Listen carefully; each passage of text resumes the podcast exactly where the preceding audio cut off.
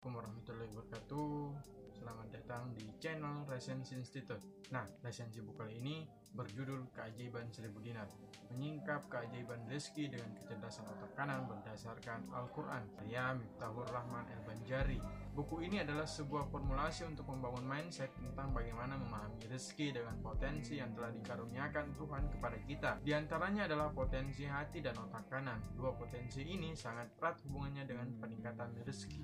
Kita semua memiliki potensi dahsyat yang terpendam dalam diri kita masing-masing. Dengan potensi tersebut, kita bisa menjadi pribadi yang unggul. Bahkan jika potensi tersebut terus diasah dan dilejitkan, tidak mustahil akan menjadi sebuah prestasi dan kesuksesan yang mengagumkan. Terdapat empat potensi dasar yang sudah Tuhan berikan kepada kita. Yang pertama adalah potensi otak, agar kita dapat berpikir kritis dan kreatif.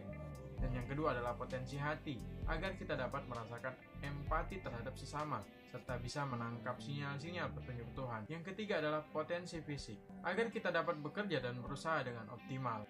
Dan yang terakhir adalah potensi roh, agar kita selalu termotivasi untuk terus maju dan mencapai prestasi maksimal. Semua potensi ini sudah ada dalam diri kita masing-masing. Tugas kita adalah mengaktifkan potensi tersebut. Jika Anda ingin kaya, berpikirlah tentang kekayaan. Berpikirlah seperti orang kaya, berpikir seperti orang kaya bukanlah berpikir untuk mendapatkan keuntungan sebanyak-banyaknya. Akan tetapi di sini kita dituntut untuk memberikan sebanyak-banyaknya, bermanfaat semanfaat-manfaatnya.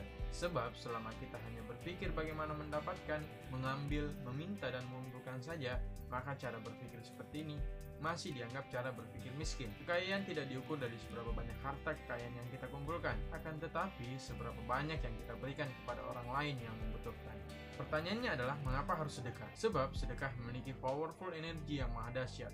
Di dalam sedekah terdapat keridhaan Tuhan, panjatan doa-doa dari para malaikat, keberkahan dari doa para nabi, serta panjatan doa kebaikan dan kebahagiaan dari para penerima sedekah. Semua energi tersebut terkumpul menjadi sebuah kekuatan energi positif, super power yang luar biasa untuk menggantikan energi negatif yang Anda rasakan. Energi ini dalam bahasa agama disebut keberkahan. Nah, berusahalah jangan hanya menadahkan tangan ke langit. Sesungguhnya Tuhan tidak akan pernah menurunkan emas dan perak dari langit. Kebanyakan dari kita hanya sibuk berdoa, dan tetapi tidak mempersiapkan apa yang seharusnya kita lakukan sekiranya Tuhan memberikan kekayaan kepada kita. Kita sangat yakin bahwa Tuhan maha mendengar, Tuhan maha mengabulkan semua doa dan permohonan tapi kita jarang mempersiapkan dan menyongsong kedatangan kesuksesan tersebut. Jadi, kepantasan menjadi standarisasi bagi Tuhan untuk mengabulkan atau menolak doa-doa dan permohonan kita. Satu hal yang perlu diingat baik-baik adalah saat Anda berharap sesuatu, pada saat yang sama pula Anda harus memantaskan diri Anda untuk mendapatkannya.